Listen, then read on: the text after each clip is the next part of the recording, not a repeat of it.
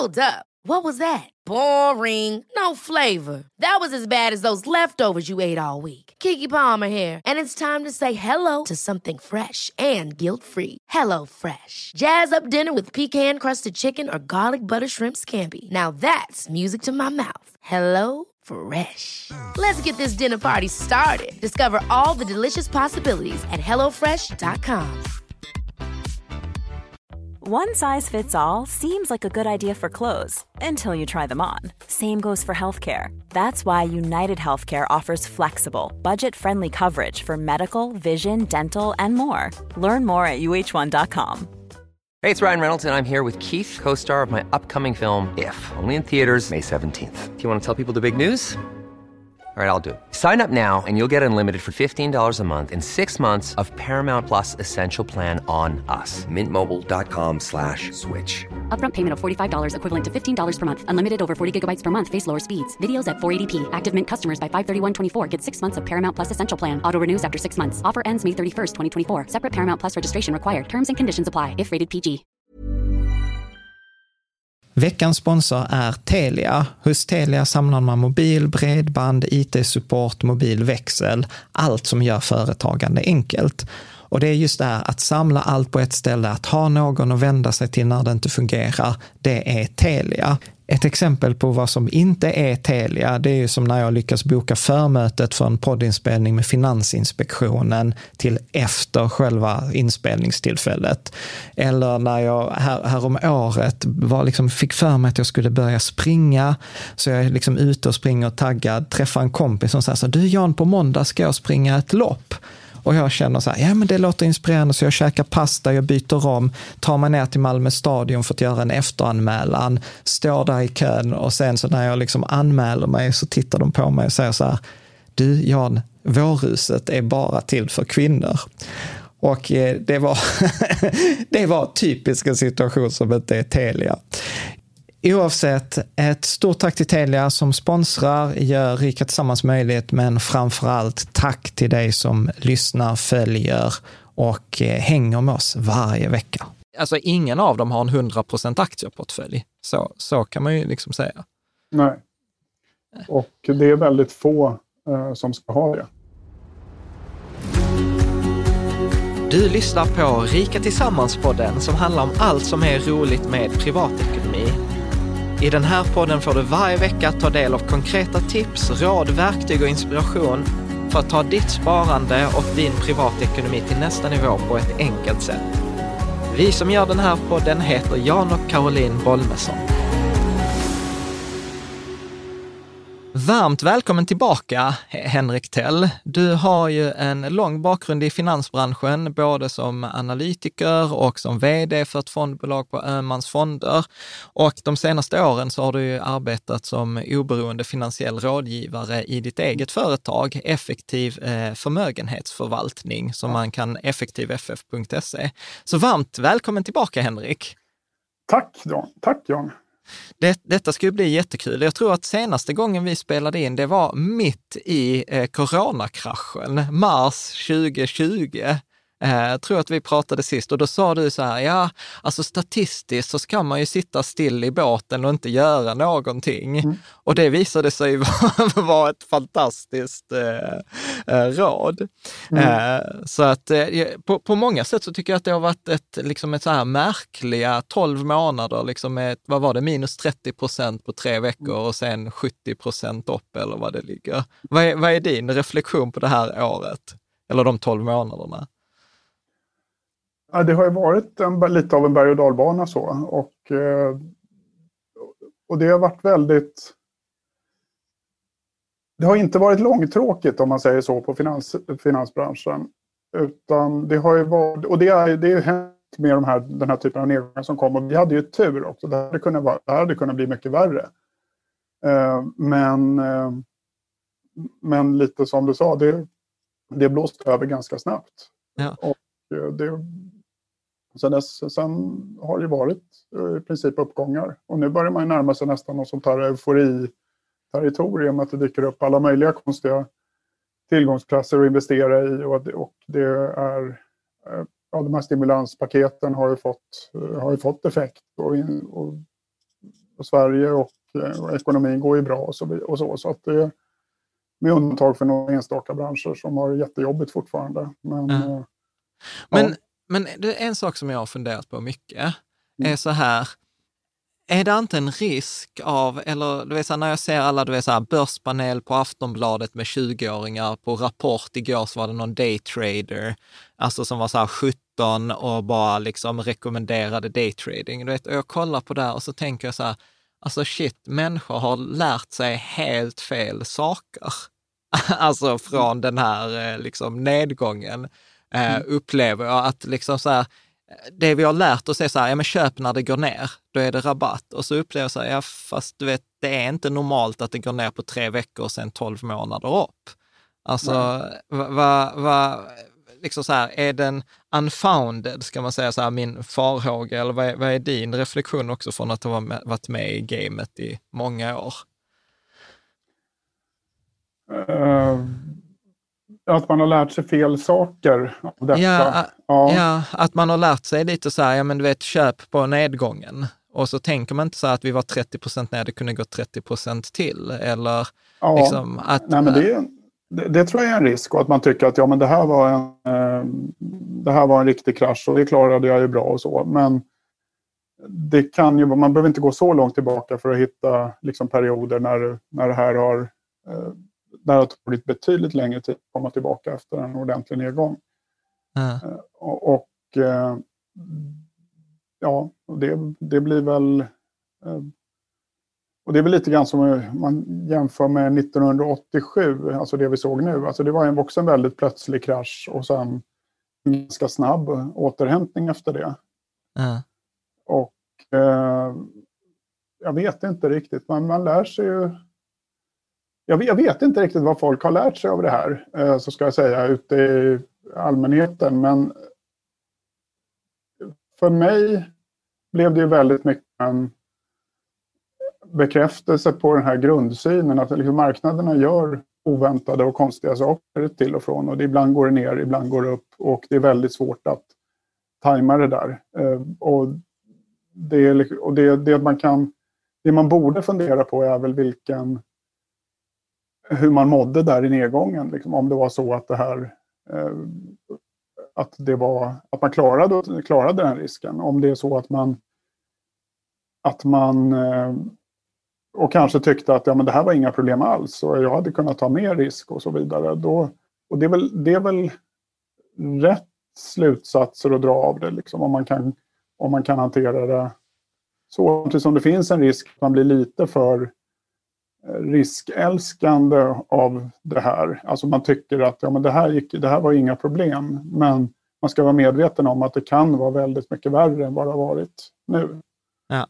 Och det kan kännas värre. Det, det kändes hemskt på botten. Men eh, det, är ju, det gick ju över ganska fort. Alltså man fick inte den här malande, långvariga eh, liksom utnötandet som, eh, som man hade runt, ja det var väl efter 2000 fram till 2000 eh, till 2005 i princip. Eh. Ja.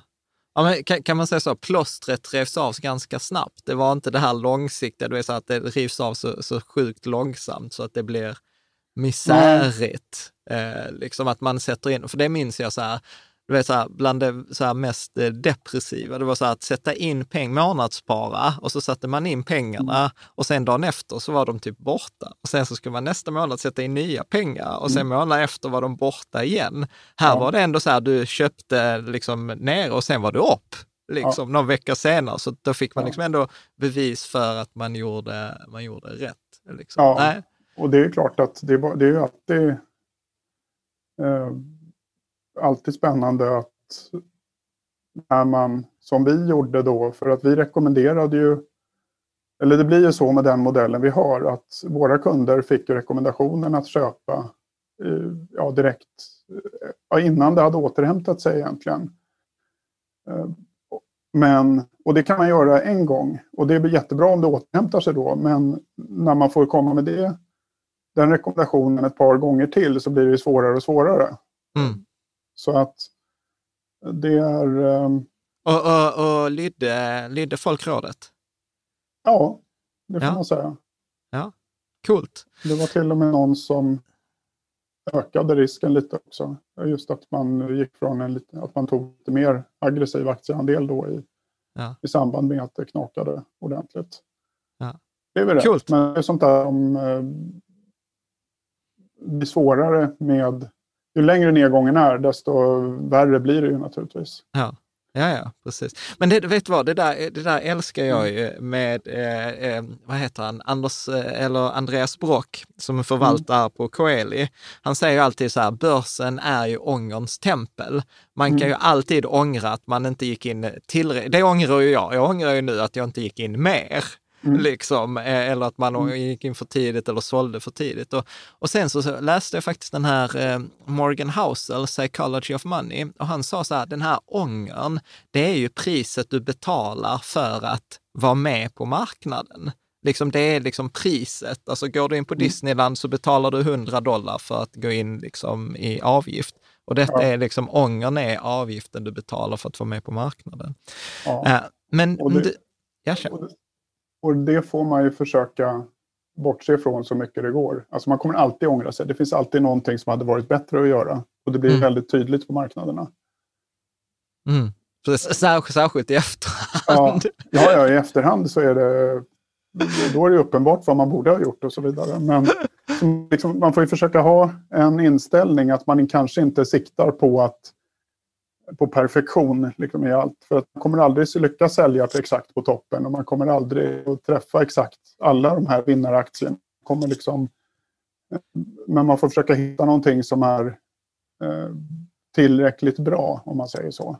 Ja. Och försöka fokusera på vad man egentligen har själv för mål eh, med det här. Eh, och inte... Och man, ja, liksom, om man har tillräckligt med pengar för att göra det man vill, eh, då, då är det bra. Liksom. Man behöver inte ha fem gånger mer pengar. Men du, jag, jag, jag, tänk, jag tänker att vi, vi, ska, vi ska hoppa in i lite de här mer avancerade konversationerna. Men jag tänker för de som lyssnar här, liksom, som inte har hört dig eller så innan. Om, om du skulle säga så här, vad är de viktigaste sakerna att få rätt i, i ett sparande? Eller liksom i, i en ekonomi, du vet om man verkligen ska ta det från nybörjargrejen. Sen kan man ju liksom alltid hålla på och du vet finjustera, men vad är de där 20 procenten som ger 80 procent av resultatet? Är du med, är du med hur jag Ja. tänker? Jag skulle säga, det beror på, lite grann på vad situationen är och vad som är, vad som är viktigast för, i, i olika lägen och så. Så det, det finns ett antal, men det första det är ju till att börja med se till att man har ett sparande överhuvudtaget.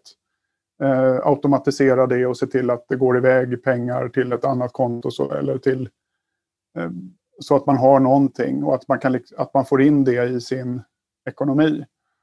Eh, och fundera sen på eh, hur man ska spara det där och börja med en, man kan börja med en global indexfond. Liksom, det är väldigt enkelt.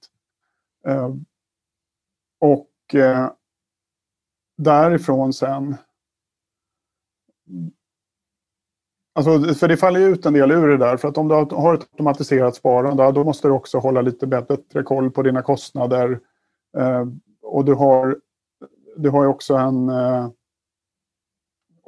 att man kommer också till det här att man inte behöver fundera på exakt hur och exakt när man ska investera. Utan, utan man har det där sparandet som går med automatik.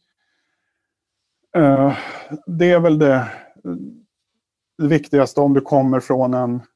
Om, om du ska bygga upp ett kapital, om man säger så. Mm.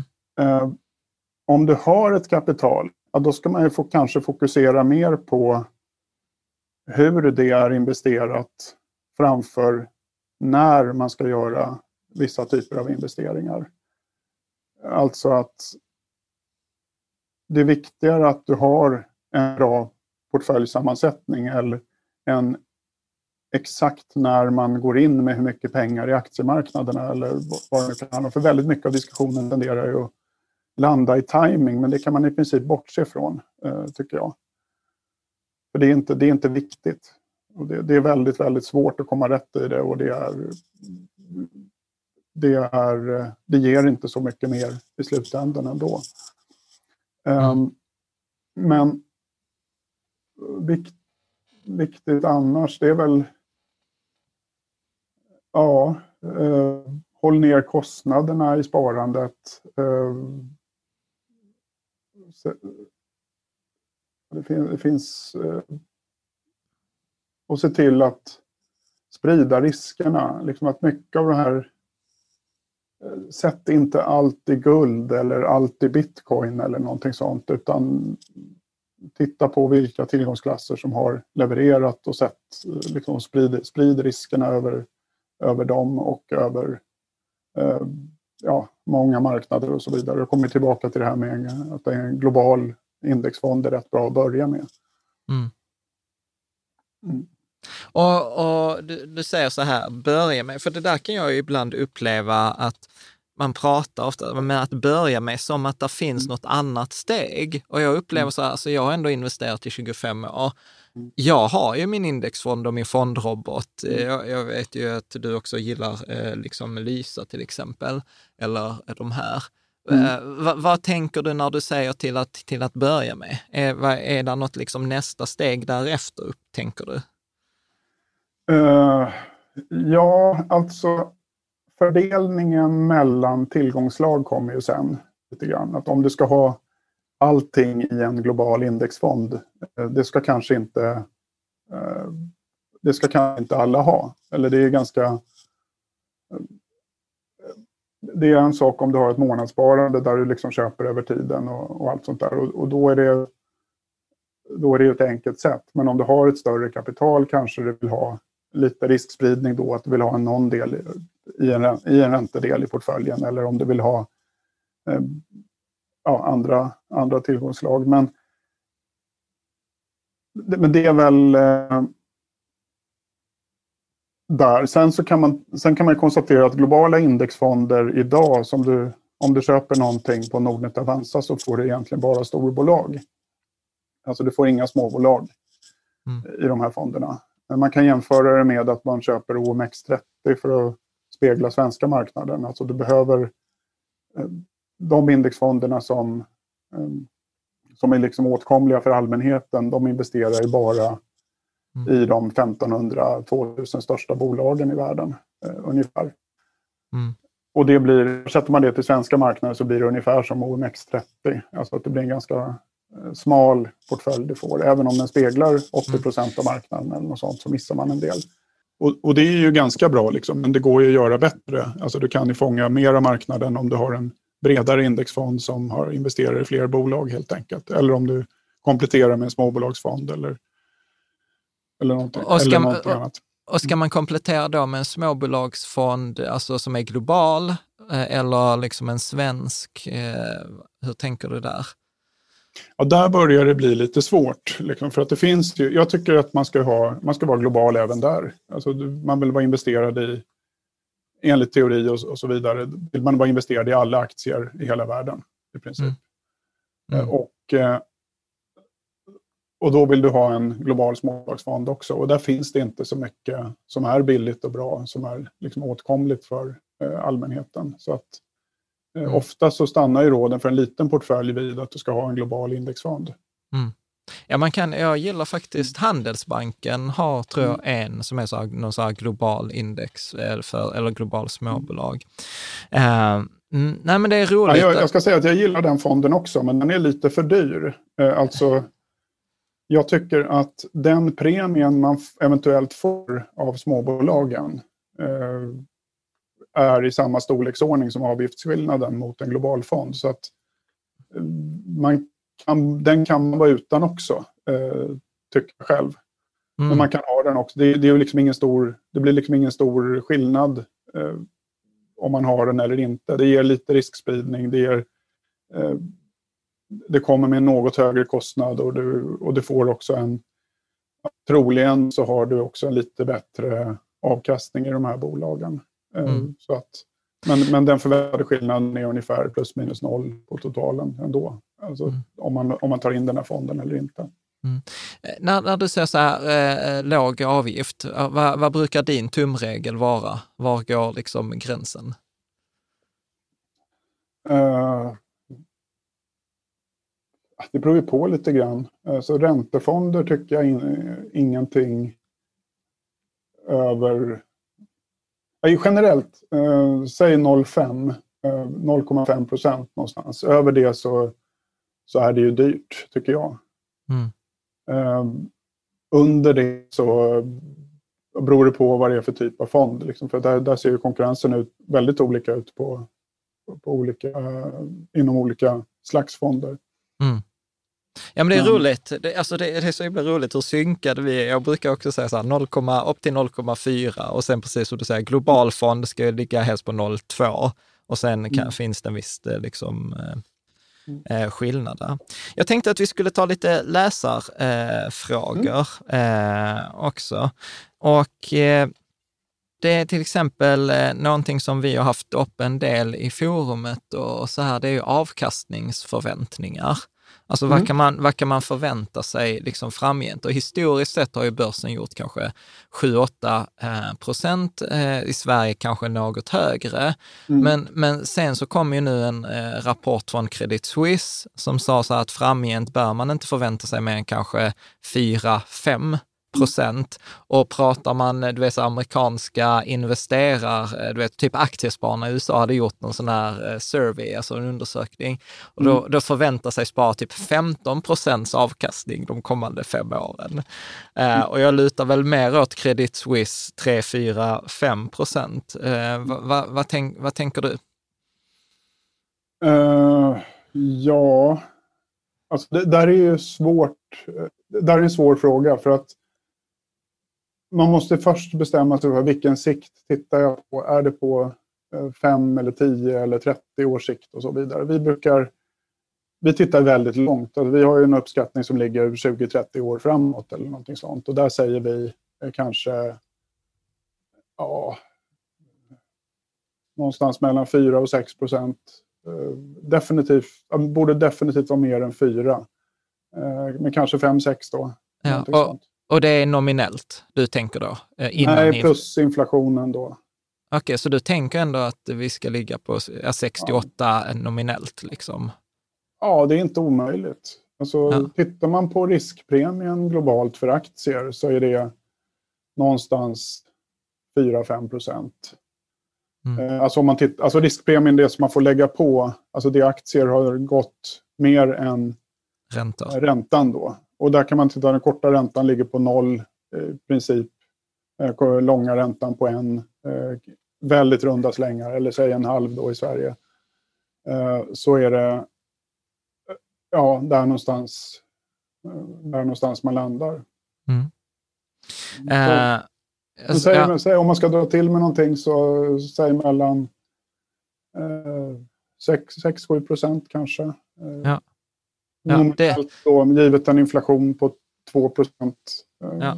Men det, ja. det ligger ju väldigt nära det Lysa säger till exempel. De säger 7 mm. procent eh, nominellt för en 100 procent aktieportfölj. Men det är någonting här som vi har haft uppe i forumet och det är många som frågar, till exempel JFB, så här, alltså det känns ju som det enda, man, inte det enda, men väldigt mycket snack just nu på, handlar ju om inflation och att mm. liksom det är inflation, eh, liksom man trycker så mycket pengar och att mm. det, det kommer liksom påverka. Uh, vad, är, vad är din syn på det här med inflation? Är det något att vara rädd för? Liksom? Uh, nej, det tror jag inte. Alltså, man behöver inte vara rädd för det, men man ska ju vara medveten om det. Och när man sätter ihop sin portfölj. Eh, och det är väl... Vi har inte sett inflation. Vi har ju haft ganska mycket pengar i omlopp redan tidigare, men det har ju inte gett någon egentlig inflation, utan det har ju varit... Det man har sett är ju att tillgångar har ju, värdet på tillgångar har ju drivits upp. Fastigheter, aktier, bitcoin, sådana här eh, SPAC backar och eh, så NFT och så vidare som har kommit nu på sista, sista månaderna. Och det där är väl... Alltså, det, de här pengarna verkar vilja investeras i någonting. Det verkar inte driva konsumtionen och vidare. Mm. Eh, så att om det betyder att inflationen drar iväg. Eh, jag ser, inte, Men... jag ser inte det som något sånt här omedelbart hot. Men, Men det, kan, det... det kan ju alltid hända. Det är lite grann som börsen. Alltså rätt vad det är så, eh, så händer det. Liksom. Och då, det måste man ju ha vara beredd på. Liksom. Men, men så här, folk som säger så här, men du vet nu borde man öka andelen guld eller eh, köpa realräntor mm. eller så här tips, eh, alltså mm. amerikanska ränte, inflationsskyddade räntor om jag skulle komma till dig och sa, du Henrik, nu har jag läst de här artiklarna, jag har varit inne på Zero Hedge och, och massa, liksom läst, Hass, ja. läst Hassman och, och, och, och liksom lyssnat på Mike Maloney och Peter Schiff. Så nu mm. vill jag ha 25 procent guld i portföljen. Vad skulle du säga då? Alltså, tacksam att du bara vill ha 25 procent, eh, om man säger så. Eh, för det, det är ju en eh, lättare diskussion. Ibland är det de som vill ha eh, 50 eller 100 procent i guld och tycker att det är helt, en helt rimlig position. Det, guldet har ju inget fundamentalt värde. Så. Alltså det, har, det finns ju en historiskt case för guld att det, ska vara, att det har fungerat värdebevarande i 2000 år och så vidare. Men, eller längre. Men det finns ju ingenting som som säger att efterfrågan, efterfrågan på guld styrs enbart av vad andra är beredda att betala för det. Och det kan ju det kan slå till åt eh, båda hållen och det finns det är som inflationsskydd är det ganska eh, skralt om man tittar på det. Eh, liksom, det finns bättre sätt att skydda sig mot inflation om det är det man är orolig för. Och som, som vad det tänker vi, du? Vi har, jag kan säga så här, att vi har ju inte guld i våra portföljer. Om du absolut vill ha guld, så det får du jättegärna ha, men vi, det, det tar vi inte in i vårt uppdrag i så fall. Det är väl så vi hanterar det. Ja. Uh, men när du säger att det finns bättre sätt att skydda sig mot inflation, vad tänker du då? Realränta? Men det är realränteobligationer i så fall. Ja. Det, är, det är mycket enklare och tydligare och mindre volatilitet. Okej. Okay. Okay. Men som, om jag kom till dig och sa jag vill ha 50 procent realränteobligationer. Det skulle jag tycka var lite mycket kanske, om det inte ja. fanns några väldigt speciella skäl till det. Ja. Men, eh, Men så... att man har en del av ränteportföljen i det tycker jag är, och det, det har ju vi och det tycker vi, tycker vi fungerar bra. Ja. Eh, bra, så du, så, du, så du tänker så att inflation, det är inget som jag behöver ha höjd för? Alltså något speciellt säga, mer, mer än vanligt? Eller? Man ska alltid ha lite höjd för det, men, inte, men man ska vara försiktig med att försöka förutsäga att nu tror jag att det kommer att bli inflation och därför så gör jag den här investeringen. Eh, utan man ska nog eh, snarare se det som att ja, inflation är en risk som kan uppkomma lite när som helst och det ska jag ta höjd för i min portföljkonstruktion från början. Ja. Och det kan man göra genom att ha, ja, aktier har ju klarat sig bättre. Eh, även om de kortsiktigt kan få, mår de inte alltid bra av inflation, men på lång sikt så har det gått bra. Eh, du kan ta lite realobligationer, men du vill inte ha enbart realobligationer heller liksom, i din räntedel. Men, men att man har en eh, att man, man, har, man, ska ha med det, man ska alltid ha med det i planeringen, ja. Eh, om man säger så. Men eh, jag, jag, delar väl din, din uppfattning helt och hållet. Och jag tänker väl, eh, när alla börjar prata om den här inflationen, så tänker jag så här, inflation är den där trafikolyckan alla håller på att stirra på, så att det kommer liksom inte orsaka någon stor seriekrock. Mm. Däremot så är det alltid så här det här oväntade från sidan, som man aldrig vet om. Ja, men typ corona, mm. det är ju liksom snarare det som händer. Men när, när vi ändå är inne på det, räntor, mm i år var första året då jag faktiskt var så här, alltså bankkonto med insättningsgaranti, om beloppen är sådana att man faktiskt kan utnyttja bankkonto med insättningsgaranti, mm. så är det kanske till och med bättre än en ränteportfölj, för då får du 1 procent på 12 månader låst, garanterat mm. utan risk. Vilket kändes så lite jobbigt, för jag, för jag har alltid varit så försvarare av räntor i en portfölj. Mm. Vad, vad tänker du? Uh, Nej, men det är ju inget, inget dåligt alternativ, framförallt för pengar som man ska ha, eh, liksom man har en kort placeringshorisont, alltså om det är några år bort, då är det eh, inga problem. Det finns ju ett case för att långa räntor ger lite bättre riskspridning mot aktier. Alltså att eh, om man tittar på statistik och korrelationer och vad som, vad som händer i nedgångar och så vidare så kan långa räntor ha lite eh, ge lite bättre effekt. Men ingen, det är ingen stor skillnad om man säger så. Det är inte i den delen av portföljen, om du har räntefonder eller om du har eh, bankkonto, det är inte där du kommer att få din avkastning, om man säger mm. så. Oavsett mm. vad. Uh, och jag tycker ju att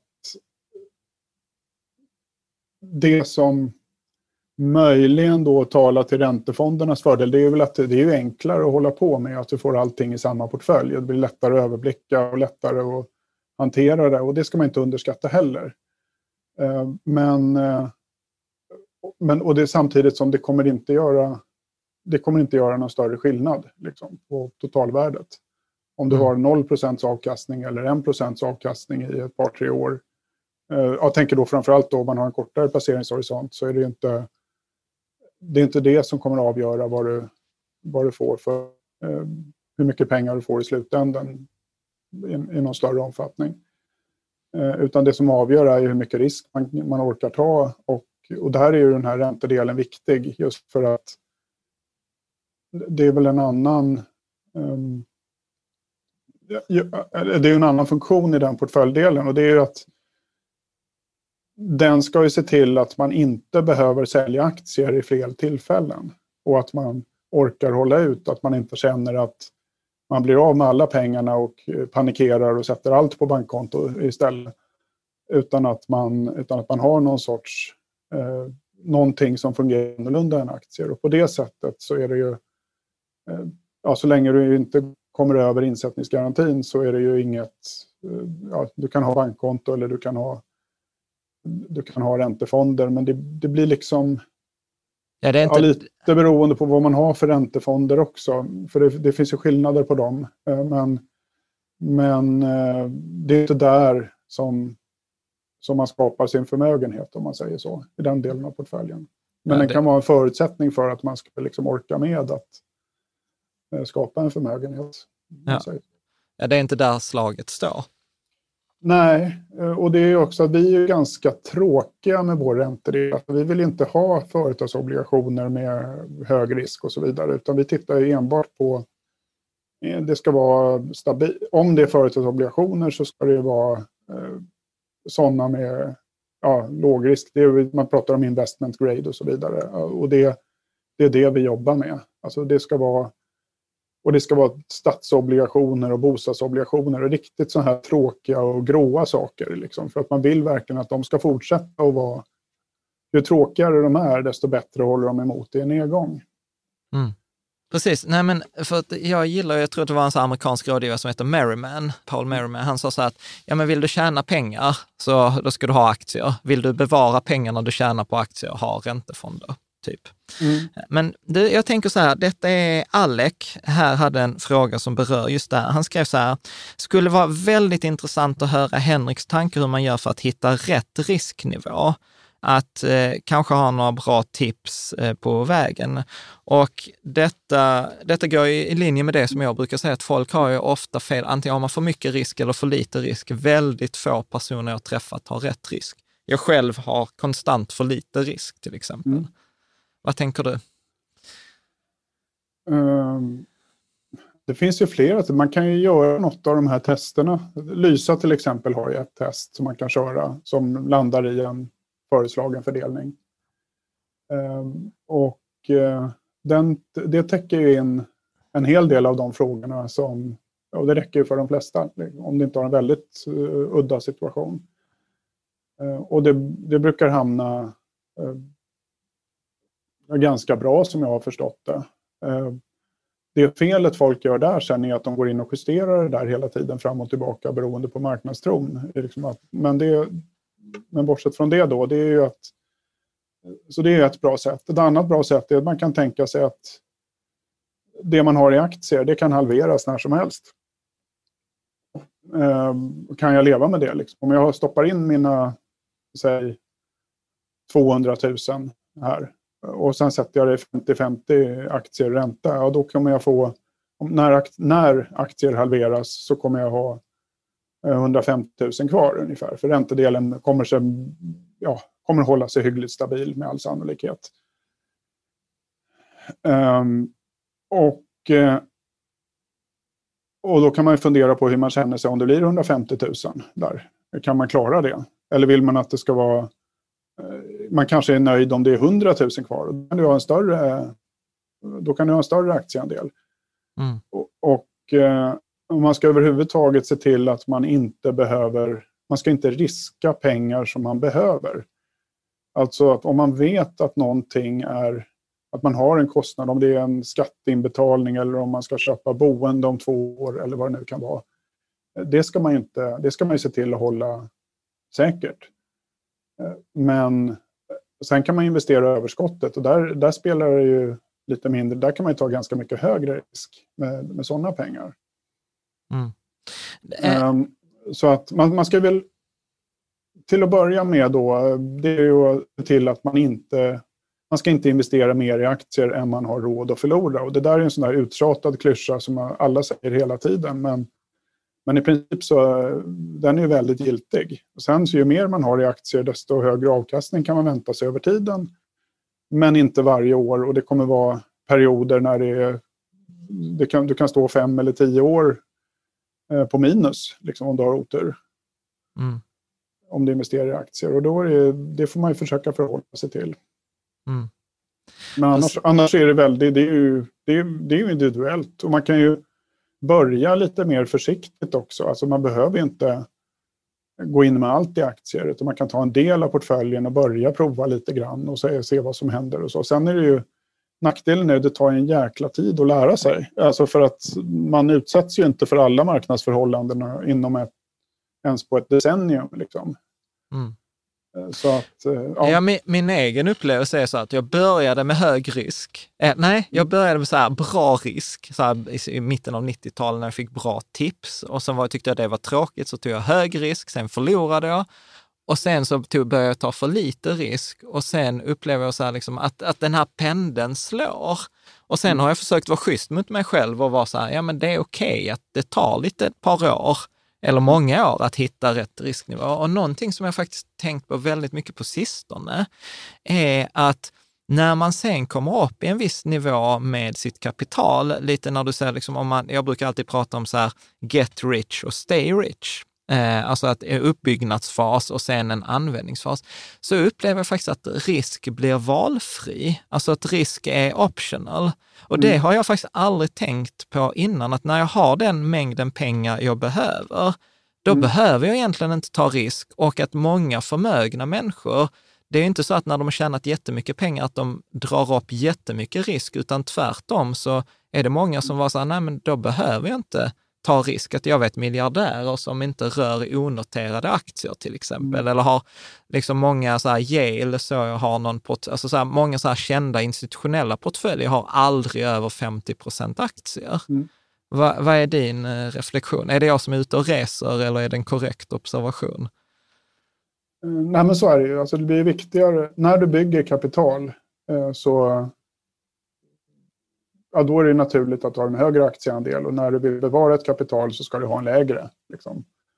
Allt annat lika. Sen när du är riktigt rik, då kan du göra lite vad du vill, för det spelar ingen roll vad du investerar i, för du kommer ändå ha kvar pengar så att du klarar dig och familjen och så vidare. Om man pratar eh, Bill Gates och Jeff Bezos och den nivån.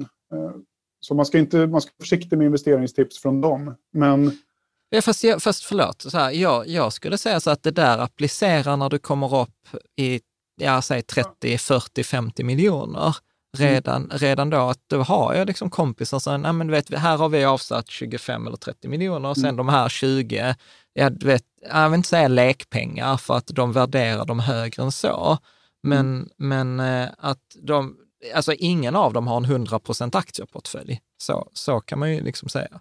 Nej. Och det är väldigt få uh, som ska ha det. Generellt.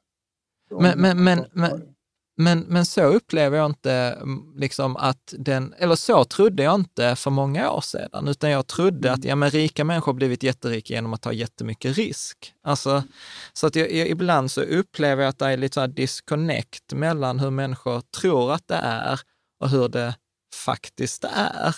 Att som jag blev jätteförvånad när jag gjorde den här sammanställningen på massa kända portföljer och så var det så här, gud, ingen har mer än 50 procent aktier. Och jag hade liksom så här, om jag, jag tyckte jag var mesig liksom med 90-10. Så att är, är det liksom, och lyssnar du på aktiesparande eller kollar på fi, eh, finanstwitter, alltså har du räntor eller sparkonto, då är det ju, alltså då har du inte fattat grejen. Mm. Alltså så, så känns det. Så hur är, hur, hur är din eh, reflektion? Och du säger också att alla borde inte ha, eller många borde inte ha 100 procent aktier. Nej, men det är ju det där, om du ska bli rik så är det ju, ja då ska du ha allting i en aktie egentligen och sen ska du ha en jäkla massa tur. För att eh, man blir inte riktigt rik utan att ta en hejdlös risk på det sättet. Om du, om du investerar. Så, mm. Och sannolikheten har du emot dig, alltså du kommer inte att lyckas.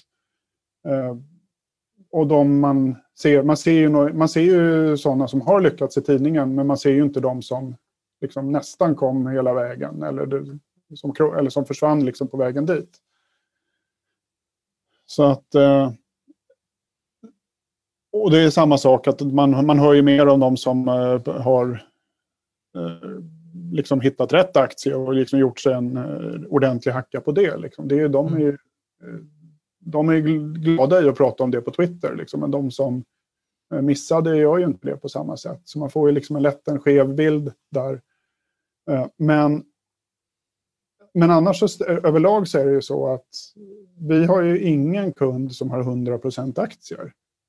Alltså om man tittar på eh, om man tittar på de som har, liksom, där, har något så här substantiellt värde, liksom 10 miljoner eller mer, liksom, eller, och som inte är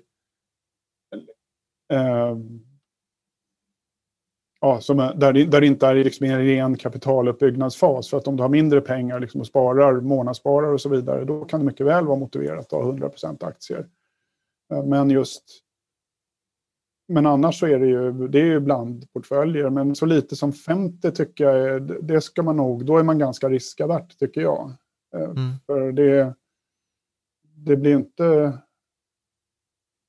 men det, det varierar. Vi har, de, vi har de som har mindre också. Men det, det är lite utifrån vad man, vad man själv känner. Och det är också, vi ser inte alltid hela bilden för att vi vet, för de, de kanske har en del kapital hos oss och sen så har de annat kapital på banken.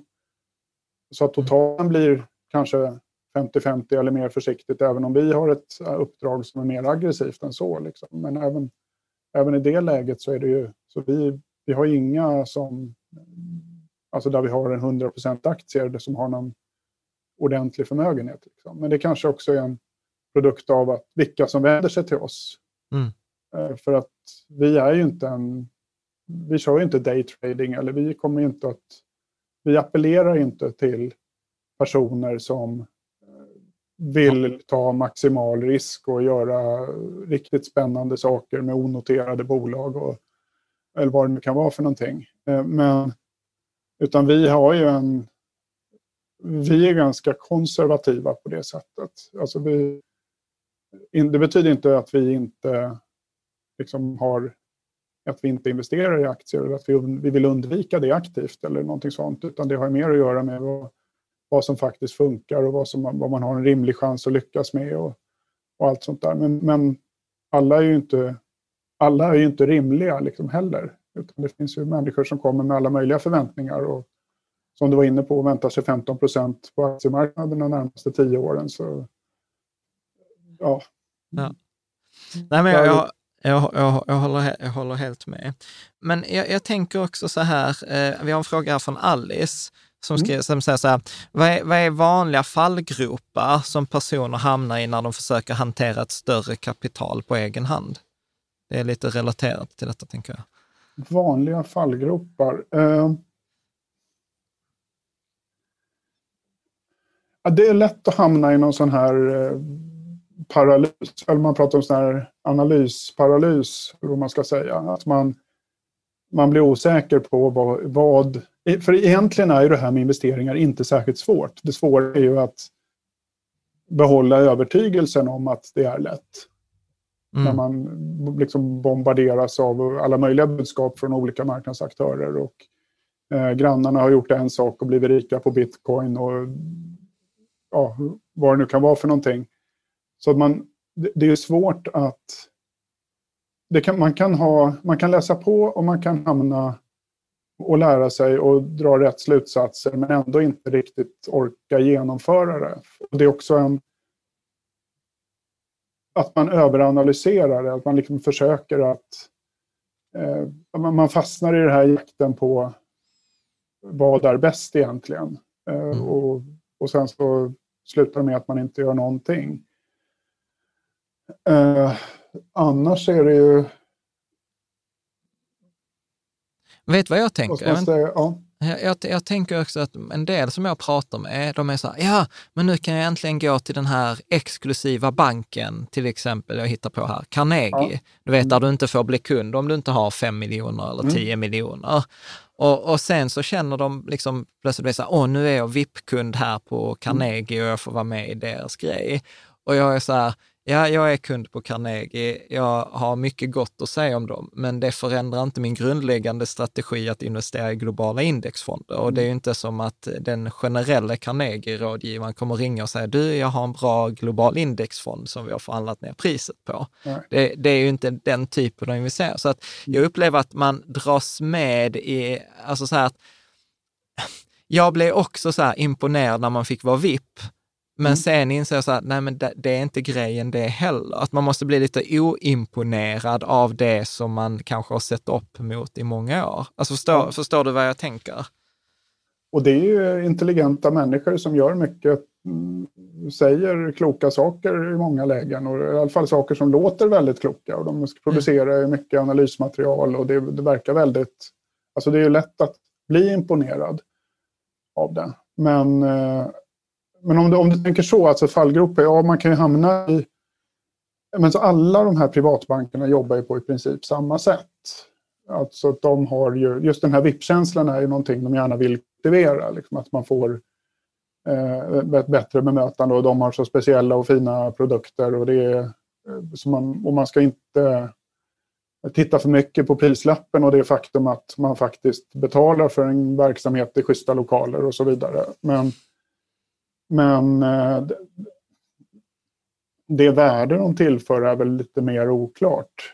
Eh, sen, men det varierar En del, en del är jättebra saker också. Alltså det beror ju mm. väldigt mycket på vad du får för rådgivare där och vad du får för... Mm. Absolut, och det är, jag vill vara så här supertydlig. Detta är mm. inte så att hänga ut eh, mm. Carnegie specifikt. Det finns, ju, det finns ju många sådana, men jag, jag upplever så här att, att att inte, fallgruppen är att man tror att man ska ändra strategi eller göra någonting annat för att man har mer pengar. Medan jag gillar det här att liksom så här, nej men man är duktig på någonting när man kan göra det förenklade eller hålla kvar vid en mm. grundläggande strategi. Och jag tror för mig kommer spelar det egentligen inte roll om någon har liksom 100 000, 10 000 eller 100 miljoner. Jag, mm. jag påstår att strategin ska vara samma. Sen kan man anpassa risken men det är fortfarande samma fonder eller samma portfölj, liksom mm. oavsett belopp. Skulle, skulle du hålla med om det? I, i stora ja. drag?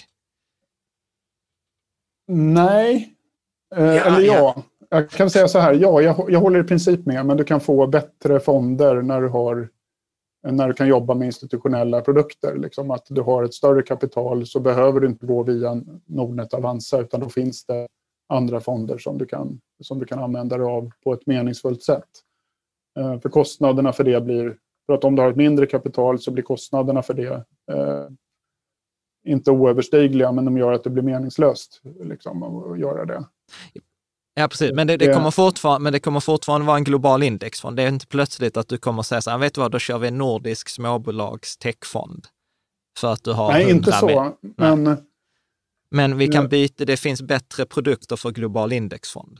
Alltså, ja, precis. och det finns också, eh, och, där kommer, kommer man ju tillbaka till, till ganska komplex forskning som, eh, som visar att ja, vissa typer av bolag kan man förmoda överavkastar över tiden. Och du har det här med value-premier mm. och du har småbolagspremier och så vidare. Och där, det kan man börja plocka in i portföljen också på lite högre nivå. Men ingenting som är... Alltså det, det är samma där, att det är inte meningsfullt med, ett, mindre kapital, för det finns inte så bra produkter för det eh, om du har ett mindre kapital liksom, som du kan handla kostnadseffektivt.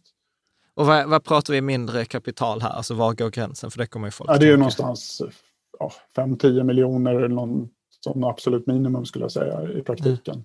Ja. Tänk, jag tänker bara så här, vi behöver inte hoppa ner, jag tänker till exempel dimensional eller sånt. Ja. ja. Bra, jag, jag tänker eh, så här, Gus frågar så här, vad är dina tankar Henrik kring diversifiering generellt och specifikt? Alltså till exempel så här Kina eller eh, alltså global, eh, alltså, alltså ska man ha någon tilt, till, upplever du till exempel? På räntor eller mot valut, ta hänsyn till valutor eller? Ja, nej, egentligen inte. Alltså det finns, där kommer ju också an på liksom ett uppdrag som vi jobbar med kontinuerligt. Det är svårare att behålla en tilt. Alltså, för problemet med tiltar är att när man tar en position i någonting, då gäller det att vara väldigt övertygad om att den positionen är långsiktigt hållbar, för annars kommer du överge den vid fel tillfälle. Eh, köper man marknadsvikter av allting så får man en bra portfölj eh, och du kan, eh, du, tiltar är inte nödvändiga, om man säger så. Mm. Alltså jag, upplever, jag upplever ju så här tiltar, eller det här smart beta, eller att man säger så här småbolag tenderar att gå bättre än stora bolag, eller eh, liksom lönsamma mm. går bättre. Mm. Alltså jag upplever att de här faktorerna är jättesvåra. Alltså när man tittar, så du kan ha till exempel, nu läste jag den här Credit Suisse-rapporten, så rankar de till exempel så här Storbritannien mot USA. Mm. Och då mm. kunde du ha till exempel så här momentumfaktor var den bästa i USA och sen var den sämst i Storbritannien samma mm. år. Mm. Eh, och, och sen value, som vi har sett de senaste tio åren, har ju den underpresterat mot growth trots mm. att den egentligen ska gå bättre. Så jag själv, och, och, när jag pratar med forskare som, som säger så här, alltså vi är fortfarande inte överens om att den ens finns. Alltså att det kan vara för att den har fått uppmärksamhet eller för att det har varit stora inflöden. Mm. Men eller den, varför den finns. eller varför den finns, precis. Så, så att jag vet inte, jag kanske har gjort fel här, men jag har lite gett upp på det där. Att jag tänker så här, nej, jag kör min globala indexfond och jag, kör, ja, jag lägger till lite småbolag för att det finns inte i den globala indexfonden. Mm. Men jag köper inte småbolagen för jag förväntar mig att de ska gå bättre än, mm. än tillväxtbolag. Mm. Nej, och det är väl, eh, det är, nej, men det är väl så att tittar man på den akademiska forskningen så har ju den så har väl value-premien varit allmänt accepterad här än att man har börjat, man möjligen pratat lite mer om den på senare år, men tittar man på lång sikt på den så finns den fortfarande kvar. Eh, och sen att den har haft en lång period med under, att den har underpresterat. Eh, så har det varit. Alltså det, om det, jag tror inte det räcker med 10 år utan det är nog 15 år nu eller någonting sånt där. Men det kan ju även börsen göra, ska man ha klart för sig. Alltså, det, det är inte alltid, inte säkert att du under en 15-årsperiod får bättre avkastning på aktier än på räntor. Ja, vilket är ganska så läskigt att tänka. Så att jag, jag ska, inte, ska inte ta den debatten nu, för precis som du säger, så det är ju, den har ju diskuterats väldigt intensivt eh, sista ja. åren. Ja. Eh, men den är... Men jag konstaterar det att fortfarande så använder ju akademikerna den här när de gör studier på ja. fonder som överpresterat eller något så, här, så har man Carharts eh, fyrfaktormodell där den här value-premien ingår. Ja. Eh, och eh, det, det, är väl... Jag tycker inte att det finns skäl, om man, har, om man investerar på det sättet, så finns det ingen anledning att sluta som det är nu. Nej. Utan då, då hamnar man precis det där att man Slutar säljer man. ut vid fel tillfälle. Liksom. Ja. Jag, jag tänker så här, eh, när, när vi ändå var inne på det, en diskussion som har skapat mycket, mycket frustration, kan man säga, eller mycket mm. känslor på forumet, har varit ett också en fråga från JFB. Att, eh, han skriver så här, hur är dina tankar kring marknadstiming jämfört med vinsthemtagning efter en stor uppgång, jämfört med att passivt ligga kvar no matter what? Alltså, är du med att lite säga, okej, okay, nu, har, nu har börsen gått, här, och gått upp igen, då tar jag hem lite vinst, eller nu ser det ut att vända, så då skyddar jag kapitalet, eller så här. Jag, jag, ja, jag hamnar i den där att vara passiv no matter what. Vill, vad säger du? Eh, menar du vara passiv alltså i betydelsen att man har eh, målvikt och ombalanserar periodvis? Eller menar du ja, att man precis. bara låter det driva? Nej, nej, nej. nej. Att man, att har jag sagt att jag håller 70-30 så Ja. kör jag 70-30 och ombalanserar för att hålla den. Ja. Istället för att säga, okej, men nu tror jag att börsen har gått upp här 80 procent, så då drar jag ner till 50-50 och sen så går jag och höjer. Alltså du vet att jag, jag varierar. Ja, Liksom. eh, precis, och utifrån en marknadstro. För man kan ju variera sin portfölj, men det ska man ju göra utifrån sina förutsättningar. Alltså att om man vill själv vill ta eller har behov av att ta mer risk eller om man har mindre risk eller vad det nu kan vara. Eh, Men, men att tro att man kan göra det utifrån och tro att man kan tajma marknaderna är, det är utsiktslöst. Men, men vet Jag vet inte om du har sett, det finns ju en artikel från 1975 när William Sharp skrev. ja, Eh, Och det visar sig att när, när du tittar närmare på det där, alltså de- dels när du börjar jobba med såna här omfördelningar och eh, liksom uppviktningar och nedviktningar utifrån marknaden, du måste ha rätt i ungefär 80 procent 70, av... ja, 80, 70 till 80 procent av fallen, lite beroende på vad det är för antaganden och så. Och du måste ha rätt två gånger också. Alltså både när du tycker att det ser billigt ut och köper in dig och sen när du då ska sälja av för att det ska löna sig. Ja. Ja, alltså, jag, eh, du, alltså du vet, du Ja. pratar till någon som redan är frälst, så Ja. jag, jag håller med. Men du vet, om jag ska ta den andra synen, så argumenten som jag tycker är ganska jobbiga, det är så här, nej, men, du vet, så här, jag tittar på vilka fonder som har gått bra på de senaste tre månaderna och sen köper jag dem och när de inte längre är bäst så hoppar jag till de fonderna som har gått bäst den senaste. Alltså förstår du? Att det låter ju liksom så här väldigt attraktivt och, och, sen, och sen kan det ju gå ett par år då det verkligen också funkar. Mm. Så du vet om jag kom till dig så, Henrik, jag vill att du gör den här strategin åt mig. Köp de bästa fonderna de senaste tre månaderna. Vad, sk- hur, vad skulle du säga då? Det- är inte en kund vi skulle ta, eller ett uppdrag vi skulle ta alls, ska jag säga, till att börja med. Men Mm. det är inte det vi gör. Eh, Men eh, man kan ju fråga vad, vad den personen har för belägg att en sån strategi skulle fungera uthålligt. För att det finns ju inte det. För det som händer om du, om du plockar de bästa fonderna, ja då tar du de som har förmodligen högst risk inom då sina respektive segment. Alltså de har gjort någonting som har verkligen har stuckit ut. För att du kan inte bli bästa fonden bara genom att följa index väldigt väl. Utan du måste ha gjort någonting väldigt annorlunda. Och det kan du vara bekänt av ett år eller två år eller tre år. Eh, Men det kan också slå tillbaka totalt att det blir liksom att när du, när du har en fond som har stuckit ut väldigt mycket åt ett håll så plötsligt så när förutsättningarna inte är lika gynnsamma så ja, då kan du sticka ut lika mycket åt andra hållet. Ja, men då byter man ju. Ja, men gör du det innan, den då, innan du har märkt det där eller gör du det efter att du har märkt det? Liksom att det nej, det, jag tror inte att en person som förespråkar en sån strategi gör nog det eh, utifrån en ganska undermålig analys skulle jag säga. Ja. Om det visar sig att det finns en riktig analys där bakom så skulle jag gärna titta på den. Ja. Det finns liksom inga, ingen skäl att tro att en sån strategi ska fungera. Ja, ja, ja vi behöver inte dyka ner med. Jag, jag håller med, det var bara roligt att höra din, Ja. eh, din argumentation här kring det. Ja, men det är roligt det där med bevisbördor och sånt också. För att det finns ju en, man kan ju häva ur sig en sån, här, en sån grej utan att du egentligen får men- utan att du egentligen ifrågasätts. Ja, fast vet du vad det ännu värre är? Alltså att en sån där strategi kan ju funka i fem år. Ja. Alltså, Och ju, alltså, ju längre den funkar, desto mer övertygad blir den här personen då om att, för oftast en man ska jag säga också, eh, att, att han har hittat den heliga graalen och kör på med det där och, och satsar mer och mer pengar i den här strategin och sen slutar den funka. Ja, då blir det jättedyrt. Ja. Att, Ja. eh, ja. Ja, nej men, nej, men jag, jag, jag, håller, jag håller helt med. Vi har, vi har en fråga här till från Gus. Han skriver så här. eh, I letande efter bra avkastning blir människan kreativ. Vi letar efter avkastning genom saker som hävstång och högriskprodukter. Vad anser du om så här stora saker, eh, stora risker och saker man bör undvika som småsparare? Oj. Ehm, Men om vi, vi tar några sådana specifika grejer, för jag har en fråga här också från Harvest. Mm. Eh, så här, hedgefonder, om vi börjar där. Hedgefonder, eh, något att ha i portföljen? Nej.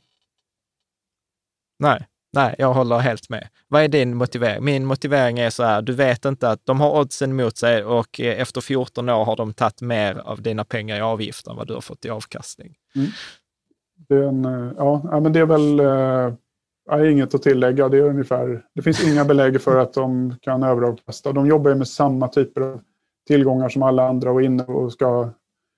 För, för det är så här också, man ska ha klart för sig att de här är inte dumma alltså de här förvaltarna. Det, är, mm. kan, det kan vara de vassaste förvaltarna på marknaden, men de är inte så mycket smartare än alla andra på marknaden att de kan försvara de avgifter de tar ut. Alltså att den meravkastning de skapar är ju inte, den uppgår inte till, alltså det motsvaras ju, den äts ju upp och mer därtill av den här ja. eh, avgiften de tar ut. Jag hade faktiskt en, en spännande konversation med, eh, vi ska släppa det avsnittet snart, med professor Barras, han som skrev den här studien 99,4 procent underbestämt index. Och han sa så att han har precis nu i januari 2021 släppt en ny studie, alltså vidareutveckling. Och vad han konstaterade faktiskt var att uppemot 70 till 80 procent av alla fondförvaltare skapar ett värde innan avgifter. Så att de har alltså skill, men skill översätts inte i performance. Och, vi har, och han sa så här, problemet har varit i alla år att man inom forskningen har sagt att skill och performance är samma sak. Mm. Men, men att han säger att det är just avgifterna som dödar, så att liksom den, den genomsnittliga fondförvaltaren är bättre än den genomsnittliga investeraren, men det översätts inte efter mm. avgifterna. Förstår du? Jag blir nyfiken då på vilka är det som förlorar pengar här? Alltså varför är, just, är det just fondförvaltarna som är bättre? För det finns ju andra förvaltare ute professionellt som jobbar professionellt och det är en väldigt liten del av kapitalet som, som uh, rattas av vanliga privatpersoner om man säger så. Ja, jag, får, jag får komma tillbaka i det, men hans, hans var, han var ju liksom, eh, jag får återkomma. Men, men jag håller med, alltså, det, det finns skill där ute eh, och den, problemet är att den, den, den har liksom minskat över tiden relativt. Ja. Alltså, det, blir, det blir en det var lättare på 1970-talet liksom att klara ja. det på skicklighet än vad det är idag. Absolut. Och det pratar ju han Mikael Mabusin om i den Paradox mm. of Skill. Men han sa också, och en stor, och en stor grej var också så här att många av fonderna slutar uppvisa eh, skill när de blir för stora. Att han sa att scale var en väldigt viktig faktor, att liksom när, när fonderna passerar sin optimala storlek, sen mm. börjar de liksom inte leverera alfa. Så att förmodligen ska jag säga att förlorarna är de stora fonderna. Ju större fond, desto sämre. Och, eh, och sen var det privatsparare och institutioner var många mm. gånger de dåliga. Ja, men då är vi överens om, eh, om hedgefonder. Här var det ju många som var så här, vad tycker Henrik om bitcoin? Och så var det så här, inget politikersvar. Du får inte lov att säga något politikersvar. Vad tycker du om kryptovalutor och äh, NFT? Kort svar, inte alls. berätta, berätta. Ja, men det finns, ju, finns ju två skäl. Det ena det är då att som... Det finns ju inget fundamentalt värde. En bitcoin är, den, den är värd det någon annan är beredd att betala för den. Uh. Och sen finns det väl något grundläggande efterfrågan från eh, typ knarksyndikat och liknande i botten som då driver en viss då, naturlig efterfrågan av den här. Men annars inte så mycket. Eh, och eh, det andra skulle jag säga, det är det här att om man överhuvudtaget har någon sorts tanke om att investera hållbart så är bitcoin, eh, då går det bort helt. Ja, energiförbrukningen var, var så här, Ja, det med... förbrukar ungefär lika mycket som Sverige, tror ja. jag nu. Och i och med att den här produktionen eller miningen då sker ju i Kina, Östeuropa, så är det väldigt mycket fossil energi i botten. Och en, om man slår ut det där över en bitcoin, alltså energiförbrukningen på antalet transaktioner på ett år, så visar det sig att ungefär en enkel flygbiljett till någonstans i Asien eh, varje gång du gör en transaktion. Alltså det är ja. samma koldioxidavtryck på det. Ja. Men, men till exempel så här Fredrik Eliasson, han har ju liksom så här en rimlig fråga som många ställer sig. Så här, men varför värderar marknaden en bitcoin till en halv miljon istället för fem kronor? Mm. Det undrar jag också. Nej, det finns, inget, det finns liksom inget som säger att den ska vara värd det ena eller andra, utan det är bara en... Eh, eh ja, på, efter på... folk är beredda att betala så mycket för dem just nu och det kan man fundera på varför, men så är det. Ja, men vet du vad? Alltså så här, för jag håller 100 procent med dig. Jag vet också så här, Guldfeber var här också en annan användare, Erik här, som var så här, som delar egentligen den här åsikten och han har argumenterat för det i så här 300 inlägg eh, på, på forumet. Men du vet, någonstans så blir det så här, men vänta här nu, är det jag som är idioten i rummet? Eller är det jag som ser att kejsaren är naken? Och du vet, jag kan ibland tycka att det där är väldigt, väldigt svårt. Att liksom så här, mm. vem är jag? Är jag idioten i rummet eller är jag, är jag den lilla pojken som ser att kejsaren är naken? Mm. Hur, hur gör du i sådana situationer? Liksom? Ja. Um... Eller du är säker på att jag är pojken som ser att kejsaren är naken? Nej, men alltså jag, jag, vill inte, jag är inte där och tittar på den där paraden ens. Liksom. Jag, jag, vill inte, jag vill inte bli inblandad om det inte finns något bra skäl eh, i det. Det, det är...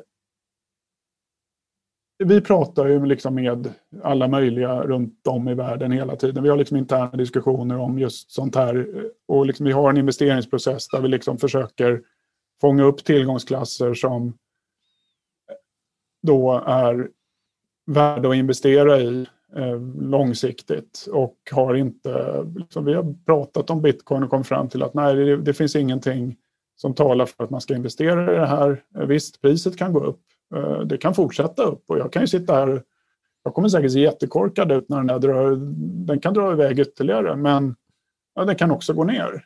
Eh, och det är väl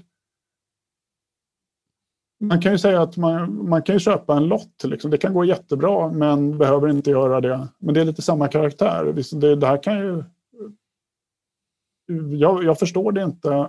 Jag, jag har fått liksom, hört både positiva saker, eller folk som är väldigt positiva till det och folk som är väldigt negativa till det. Och sen försöker vi utifrån våra kriterier så har vi kommit fram till att det här är inte en tillgångsklass som vi ska investera i. Att det, det finns för mm. inget, inget underliggande fundamentalt värde. Liksom. Men du, jag, jag, tänker så här, alltså om man tar, för, för återigen, du och jag är på mm. samma, samma sida här, men jag kan stå här för att jag liksom är upp, för mig är det så här, jag har sett detta så många gånger under de här 25 åren jag har investerat. Så att du vet, när, när det blåser så tycker jag ändå, du vet, jag, jag står kvar i min, i, alltså så jag står tryggt. Men jag menar, alltså en ny investerare, liksom så här, vi har kompisar som, du vet, de har inte investerat en hundralapp nås, utan de, de ska börja investera och det enda de hör om är så här bitcoin och sen har du den här have fun staying poor. Alltså hur, hur ska man liksom stå emot det där, alltså när man inte har kollegor runt om i världen eller man har min erfarenhet eller mm. och, och när, när verkligheten tenderar ge helt motsatt liksom, beslut. För utifrån verkligheten så är det ju du och jag som är losersarna. Det är ju inte vi som sitter här och bara åh, vi, har, vi är mångmiljonärer på bitcoin. Alltså, nej. nej, det... Det är svårt. Det är, svårt. Alltså, det, är, det är jättesvårt. Och, ja, det finns ju någon gammal floskel att man bara ska investera i sånt man begriper. Eh, men det, och det kommer, visst, du kan investera i bitcoin och du kan bli jätterik. Eh, kanske inte nu, liksom, för nu har det ändå gått upp en hel del. Och, liksom, och, och allt det där. Och det, men det, det, finns ingenting som talar för att de inte, inte står i en miljon dollar eller tio miljoner dollar. Liksom, den här kursen, den kan vara, den kan vara precis vad som helst. Liksom, om det, ja. Och, det är en skruv, och det, det är en skruvad marknad där det finns eh, det är inte en öppen likvid eh, marknadsplats som det handlar på utan det finns ju, det är vissa aktörer som kontrollerar stora delar av den där och så vidare. Så det finns ju hur mycket knepigheter som helst. Men, och det kommer ju an på det här med att ja visst, vill jag bli rik till varje pris eller vill jag undvika att bli fattig? Om man vill undvika att bli fattig så är bitcoin ingen... Det, det kan gå till noll. Liksom. Det finns ingenting som håller ja. den på speciellt. Ja. Ja, nej, vi, vi, det, kan... Vill du bli rik så visst, köp en lott. Liksom. Det, kan, det kan funka. Men ja. sannolikt så blir du inte det. Ja. Ja, bra. Ja, jag, jag, tycker, jag tycker det sånt här är egentligen så superspännande utifrån ett beteendemässigt perspektiv. Mm. Men, men jag tänker så här, vi ska ta en lite annan fråga här från Savecake eh, och från JFB. De hade samma fråga men två olika håll. Och då så här, om du skulle bygga, alltså du är i den här uppbyggnadsfasen och du skulle sätta ihop en aggressiv portfölj. Alltså så här mm. just att, okej, okay, men jag vill bli rik eller jag vill liksom bygga upp en, en förmögenhet. Mm. Hur, hur skulle du sätta ihop en, liksom en aggressiv get rich-portfölj? Uh, ja, det, alltså, det kommer ju... beror ju på förutsättningarna då för vad, vilka verktyg man kan göra med. Men om man, om man antar att man kommer från noll eh, och månadssparar i en indexfond eh, så är det visst, det är väl där du har bäst någon sorts väl belagda förutsättningar för att eh, det ska vara en bra investering. Men du blir ju inte rik på det. Alltså, mm. Det beror på lite vad man menar med att bli rik. Nej, men jag tänker, alltså, man, man, man, vill tjäna så mycket pengar, alltså man vill maxa. Ja. Alltså säg att jag är, ja. 30, jag är 30 år gammal, jag, jag har en bra lön, jag sparar ett par mm. tusen i månaden. Alltså är det, alltså till exempel hur jag själv skulle resonera, jag skulle resonera så index och belåning mm. i så fall. Jag skulle inte nischat mot ny teknik, jag hade inte nischat Nej. mot bitcoin, jag hade, liksom, utan jag hade sagt en hög aktieexponering och eventuell belåning på mm. det där. Givet såklart att situationen klarar av det. Men, men jag hade inte koncentrerat, jag hade, återigen som vi pratade innan, jag hade inte bytt strategi från indexfonder, utan jag hade höjt risken med belåning. Ja, och det är väl eh, det sätt man kan göra. Nu så är vi väldigt försiktiga med att rekommendera belåning för att det där får ju en det får ju konsekvenser för risken och på vilket sätt man lånar och vad man har för förutsättningar att, att eh, ja, för lånet kommer man ju få betala tillbaka i slutändan ändå. Liksom. Och, det, och det kan ju bli att du investerar och sen så är du en, ja, tillgångarna faller i värde och du ligger där med lånet som är kvar i, det är ju kvar i värde liksom, så länge du har det. Mm. Och, eh, och räntorna stiger och det, det, det, kan hamna i jobbiga situationer om du, med belåning som du inte kan hamna i om du inte har belåning. Mm. Det, det, måste man ha klart för sig. Eh, och försöka hitta någon nivå i så fall att låna för det är inte Visst, om du har en hävstång på 1000, liksom, det är jättebra på många sätt. Alltså om du ska maximera avkastningen, eller 10 000. Liksom, du kan ha hur mycket precis, hävstång som helst, liksom, te precis, teoretiskt sett. För du får bara mer och mer avkastning ju mer hävstång du har. Men, men det blir ju inte Nej, men det, det är för mig, ja. där, där, där, blir det ju lotto, alltså optioner. Ja. Alltså det, det är därför jag säger så här, liksom, att jag såg någon studie från, jag tror det var Yale för ett par år sedan, att de sa väl liksom så att är man ung och har bra humankapital och man har ett jobb, ja då ska man som ung person när man är 20-30 års åldern, ja men låna en krona, investera en krona och statistiskt sett så hade du oddsen på din sida mm. att fortsätta göra det, mm. även om du blev utstoppad. Alltså blir du av med allt, liksom börsen faller med 50 procent så blir du av med allt ditt kapital. Men då var mm. de så här, dagen efter så började du med samma sak igen och så mm. har du liksom oddsen. Sen, sen argumenterar väl jag, och när jag pratar med en professor på Handelshögskolan, mm. så, här, varför man inte rekommenderar det till gemene man är för att gemene man är redan belånad i sitt boende i Sverige. Så det finns liksom ingen anledning att vara dubbelbelånad, utan då, då har man liksom skruvat upp volymen för mycket. Men, men att ha, att bo i hyresrätt och liksom och vara ung och högt humankapital och investera, ja men då, då, då ska man kunna överväga en, liksom en rimlig belåning. Men då pratar vi inte 100 procent. Liksom. Nej, och man kan ju även se den här sjunde AP-fonden jobbar med belåning. Mm. Eh, i sin förvaltning. Och det, det, alltså det finns ju seriösa institutioner och så där som gör det, men, men det är inte alltid en... Man ska vara medveten om vad man gör där, liksom att, att ha mm. risk. För det, det, är en riskfråga, det är inte en avkastningsfråga så mycket. Mm. Precis. Eh, men, eh, men det är ett bättre sätt, alltså man tillför ju egentligen ingenting med branschfonder eller med enskilda länderfonder eller någonting sånt, utan jag skulle säga att det är marknadsindex i botten och sen så kan du möjligen titta på då det här med eh, ja, riskfaktorer och premier för dem. Liksom, då kommer vi tillbaka till det här med value, småbolag. Mm. Ja, tillväxtmarknader kan du möjligen ha en tilt mot också. Mm. Men det där blir rätt... Det är inte där du kommer att få den stora skillnaden och det är förmodligen lättare, om du vill bli rik, så blir du inte rik på investeringar. Mm. Alltså, det är inte där den stora biten kommer att komma ifrån, utan det är om man eget företagande eller hårt arbete eller att du utbildar dig och får en högre lön. Mm. Alltså den typen av verksamhet får du mer avkastning på än att ja. eller spara riktigt... maximalt och stoppa in i aktiemarknaderna. Ja, precis. För det kommer ju först när du har en riktigt lång tidshorisont. Alltså typ sån här, mm. vad hette han, eh, oh, inte konduktören, aktiestinsen. Ja, stinsen, ja just det. Ja, liksom. Men eh, jag tänk, om, om, vi vänder på frågan, mm. eh, JFB här, hur skulle Henrik bygga upp en konservativ stay rich-portfölj? Till exempel så den här permanentportföljen som jag pratar om, eller 20 procent aktier, 80 procent räntor, premieobligationer etc. Hur skulle du sätta upp en konservativ? Att denna, denna ska gå i takt med inflationen, kanske en halv procent över. Hur hade du tänkt då? Man kan göra det lätt för sig och säga hälften hälften aktieränta.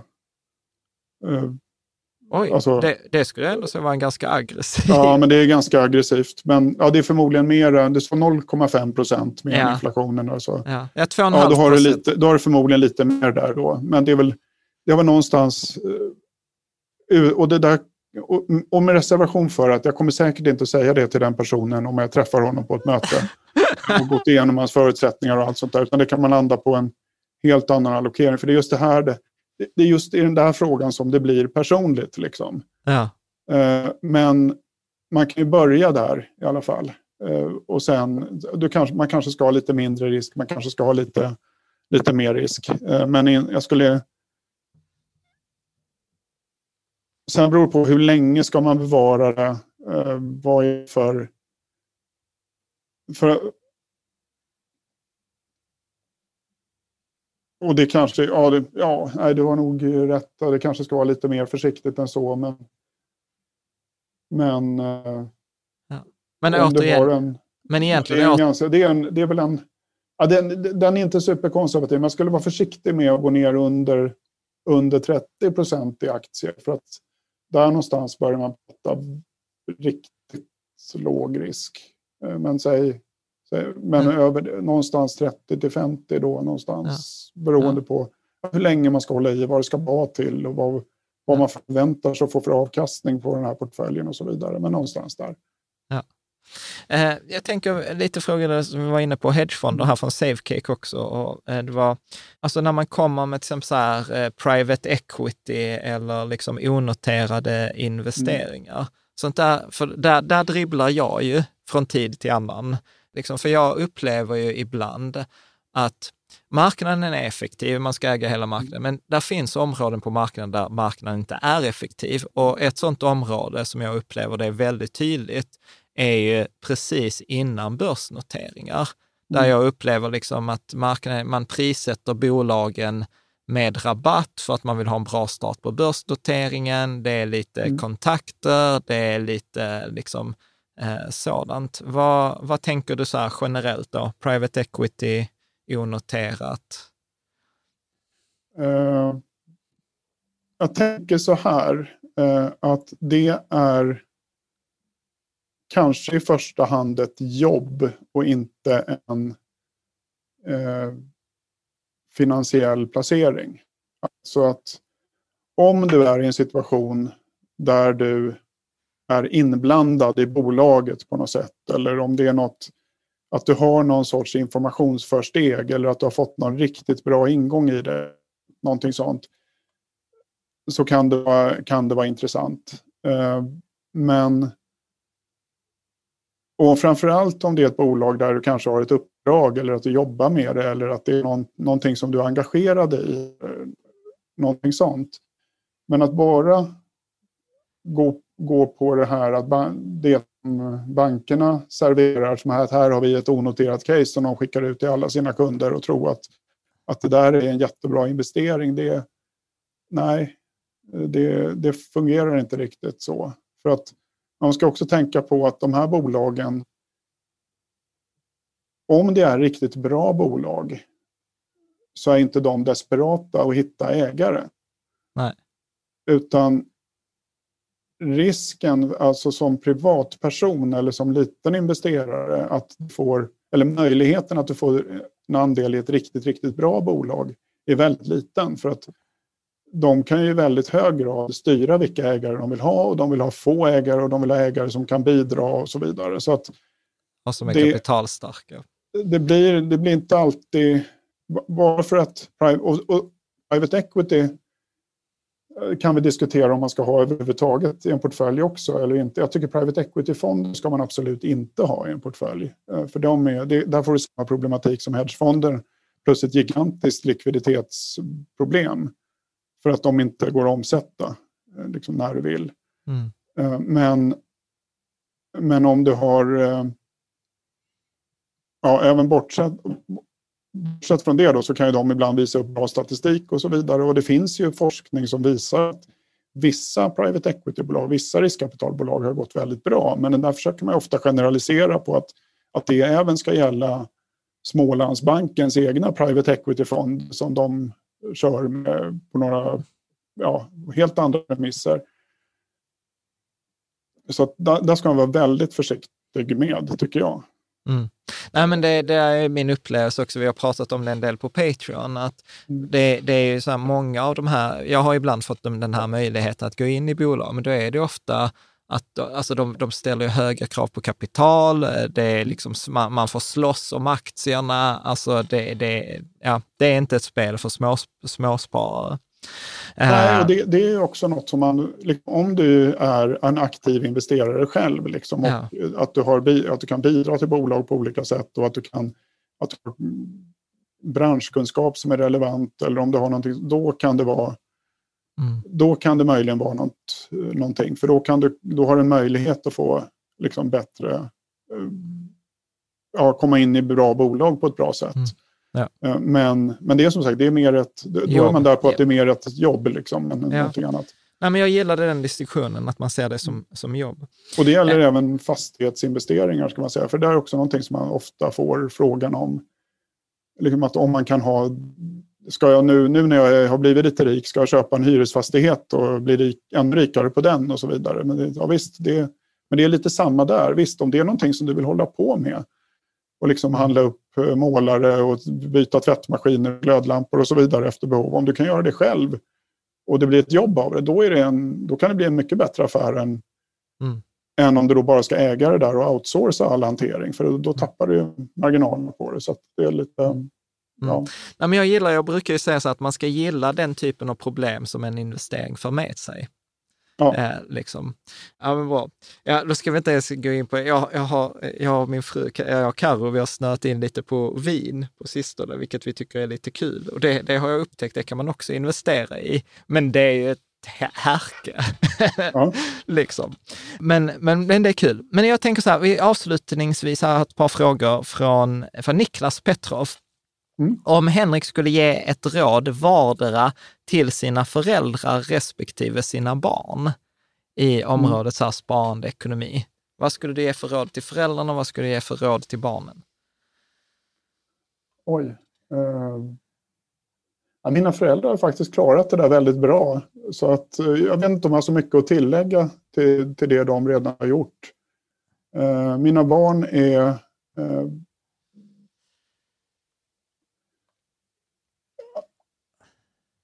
Ja, bra fråga. Väldigt... Eh,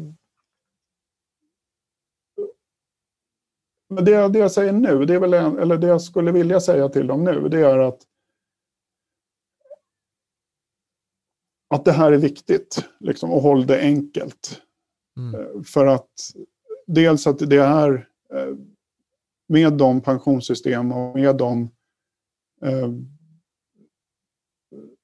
ja, investeringsmöjligheter som finns idag så är det det är viktigt att ha lite kunskap om, om det här. Eh, men det räcker med lite kunskap. Liksom. Håll, det, håll det enkelt liksom, och köp indexfonder eller använd fondrobotar och så vidare. Och, och, men gör det, eh, se, till att det, se till att det inte blir ett oöverstigligt problem, liksom, utan det räcker att hålla det enkelt.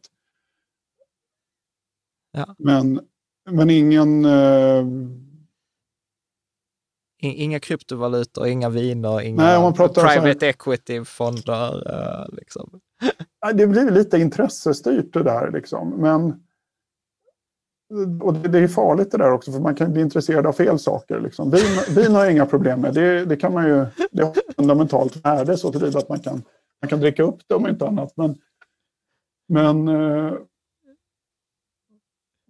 men det är väl det är väl det. Och sen som Gre- Greta Thunberg, lyssna på forskarna. Ja, ja, det är skitbra. Eh, f- fråga här från Johan Andrén på Facebook. Eh, när, när ska man anlita dig? Alltså så här, när, när ska man gå till en finansiell rådgivare och eh, vad är liksom värdet? Jag, ja, om jag själv, om jag, ja, du kan få svara först, sen kan jag svara på vad jag upplever värdet är. Det finns ju flera saker. Dels att man kan... Jag, jag tror den stora grejen är att man... Man vet att portföljen är omhändertagen på ett bra sätt. Liksom, givet att det går... och Det, den känslan kanske du inte får om du går till en private bank eller någonting sånt. Så det beror på lite grann vilken finansiell rådgivare man tar in. Eh, men, men i princip att vår tanke är ju att man ska kunna koppla av det, det som man låter oss ta hand om. Vi behöver inte ta hand om hela kapitalet, men om man vill ha en del av kapitalet som man känner att ja, men det, här, det här ska jag i alla fall inte liksom fippla bort själv. Och Bara för att jag inte kan, kan det här eller för att man inte vill chansa eller någonting sånt. Att, att du har en del eh, satt åt sidan som som du då känner att ja, men det här vill jag ha kvar liksom, på lång sikt. Och, ehm, och att man ska kunna känna att, att man inte behöver vara personligt engagerad i det själv utan att man ska kunna eh, outsourca den här hanteringen till någon. För att den kan ju vara ett problem.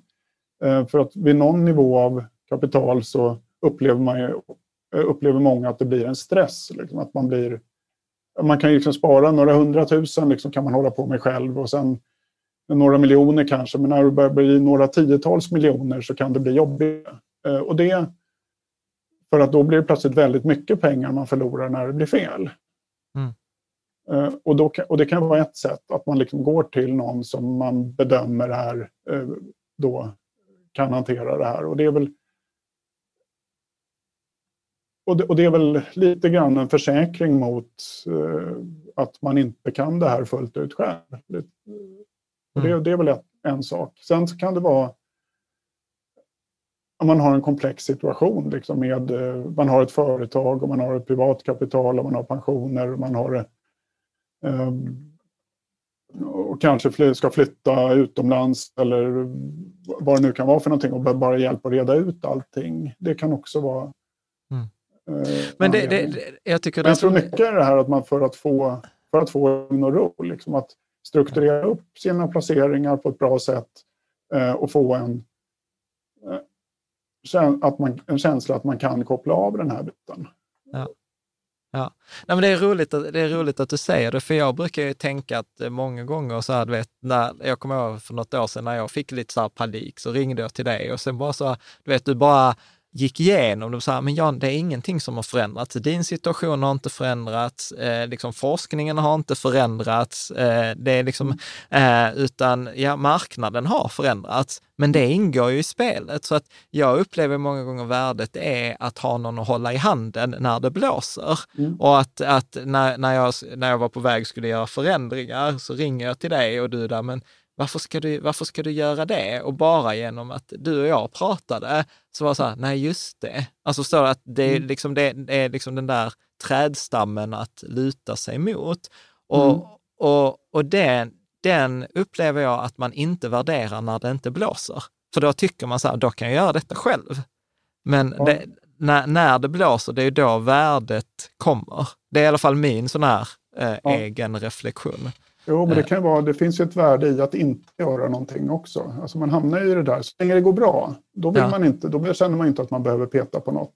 Ja, Utan, men det är när det börjar, man börjar känna att det, nu barkar det åt skogen, så då, då får man ju den här man är konstruerad så att man får någon känsla att nu, nu måste jag måste göra jag... någonting för att ändra på det här. Men det kan man inte.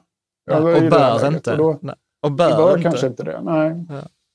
Precis. Du, avslutningsvis, sista frågan. Mm. Eh, sämsta rådet du brukar höra i finansbranschen? Oj, det... det finns många.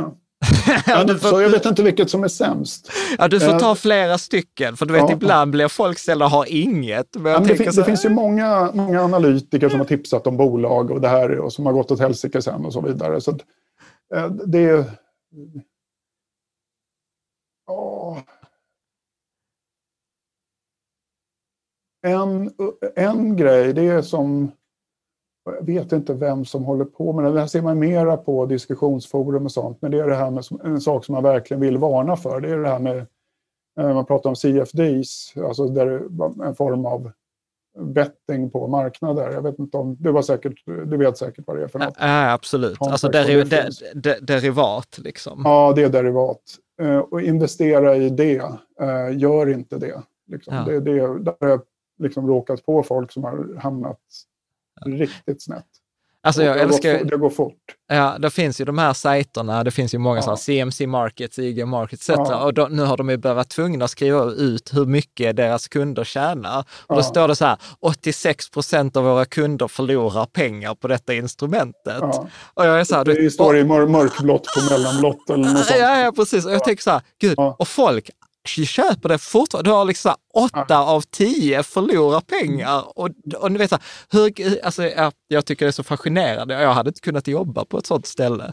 Liksom. Nej, det är verkligen. Och det, där är, det, det, det, är, men det är, en, det är en dålig produkt. Och det är kanske inte, jag vet inte om någon som ger råd att investera i den. Nej. Men det, men det är i alla fall, hör man det så det, det, det bör man inte bry sig om. Liksom, gå åt andra ja. hållet. Ja. Är det något annat du tänker som brukar dyka upp så här dåligt? Ja, men en, det finns ju en annat sånt här dåligt råd. Eh, och det är investera bara i det du känner till. Ah, berätta, säg någonting mer om det. Ja, för att det där har ju lett till att många har massiva aktieinnehav i bolag de redan jobbar i. Eh, och till exempel då och i pensionsportföljen för Worldcom och Enron och så vidare så hade ju folk... Man tyckte jag känner till, jag känner till det här företaget och jag eh, tror på det och jag sätter hela min pension här och sen så är de bortblåsta. Det var ett dåligt råd i det fallet. Och det är också dåligt på det sättet att det är många som tror att de känner till saker eh, som de faktiskt inte känner till tillräckligt väl. Mm. Det är mm. lätt att gå i den fällan. Jag upplever att ett av de sämsta råden är den här implicita tron att om du bara läser på mer, anstränger dig mer, lägger mer tid ja. så kommer det gå bättre. Mm. Faktiskt. Ja. ja, det beror på vad man läser. Men, men det, det, det, ja, men så är det ju inte. Alltså det behöver, eller det behöver inte så. Alltså du kan ju läsa, men det kommer ju tillbaka till det här. Alltså det, det är inte, investeringar är inte svårt egentligen. Alltså Ja. det finns ju några enkla sanningar som man kan följa. Men och har har man läst sig till dem så det, då är det svårt att göra så mycket bättre sen efter det. Precis. Och Am- det- Men jag, jag tänker så här Henrik, jag tycker att vi, vi avslutar där när Jo, invest- ja, att in, en, ja, en, ett shoot. mer märkligt eller så här motsägelsefullt råd. Och det är det här som man hör från alla när marknaderna går ner ordentligt, att man ska sitta still i båten. Okej, det, det har jag sagt, så oh, oh. Ja, ja, ja. Och det, alltså det, det, det, är, i sig inte ett dåligt råd. Men när det här kommer från aktörer som liksom tidigare bara har kommunicerat att men nu ska du ha den här fonden och nu ska vi ha japanska småbolag och nu ska vi ha liksom, eh, tillväxtmarknadsobligationer och så vidare. Så plötsligt ska man inte skifta runt längre. Utan då ska man bara sitta still med det man har då när det kraschar. Eh, det är en annan sak om det där kommer från att vad ska man säga, om man har pratat båtkonstruktion innan, liksom att man vet att det här är en stabil båt och att den kan ta mig dit jag vill. Eh, Men om du inte vet det, om du liksom har skiftat runt saker och bytt plankor och satt upp en ny mast och liksom eh, uppgraderat motorn kanske, eller eh, om du har satt, eller, eller, vad, eller vad man nu har gjort, så vet du att den här båten är stabil? Nej, kanske inte. Eh, men, men det, blir, det blir i alla fall väldigt konstigt tycker jag när man hör från, från personer som liksom inte alls pratar båtbygge utan modifieringar liksom under gång hela tiden. Eh, och sen plötsligt så ska man sitta still i den där båten i det skick den är liksom, just där och då. Och det, det tycker jag är... Men det är, mera, det är kanske inte dåligt så, mer än att det blir väldigt, väldigt märkligt. Ja. Det är roligt, för det där har jag faktiskt aldrig tänkt på, men du har ju helt rätt. Du har ju helt rätt i det där. Nej, det är klart, för när jag säger sitt still i båt så förutsätter jag att du har en bra båt. Men Ja. lä läcker båtjäkeln så ska du Ja. inte sitta fast, eh, sitta kvar. Nej, men eller om du liksom har satt upp eh, nya segel med så här lättvinds, lättvindsspinnaker och sen så börjar det storma så liksom ska du... Ja. Nej, du ska kanske inte sitta still då liksom, men då, då har du liksom inte en bra båt. Har man en bra båt från början så är det en annan sak. Liksom. Men Ja. då- Precis, så jag får modifiera det så här, har du en bra båt, sitt still i den, annars för helvete, gör något annat. Du, eh, Henrik, ett fantastiskt stort tack. Alltså du är alltid fantastisk att prata med och det är mycket klokskaper och eh, vill man komma i kontakt eh, med dig så gör man det enklast via hemsidan effektivff.se eller att man bara googlar eh, Henrik eh, Tell så kommer man ju till eh, hemsidan. Och jag vet också att eh, du, du har ju svarat på kommentarer på, på bloggen så att där kan man också ibland eh, komma i kontakt eh, med dig. Annars så tänker jag så här att jag har egentligen fler frågor som jag inte har hunnit gå igenom. Jag tänker vi har pratat en och en halv timme så vi får helt enkelt spara på dem. Och så hoppas jag att du vill, kan tänka dig komma tillbaka senare under året och, och, och prata ännu mer. Så tack så hemskt mycket Henrik.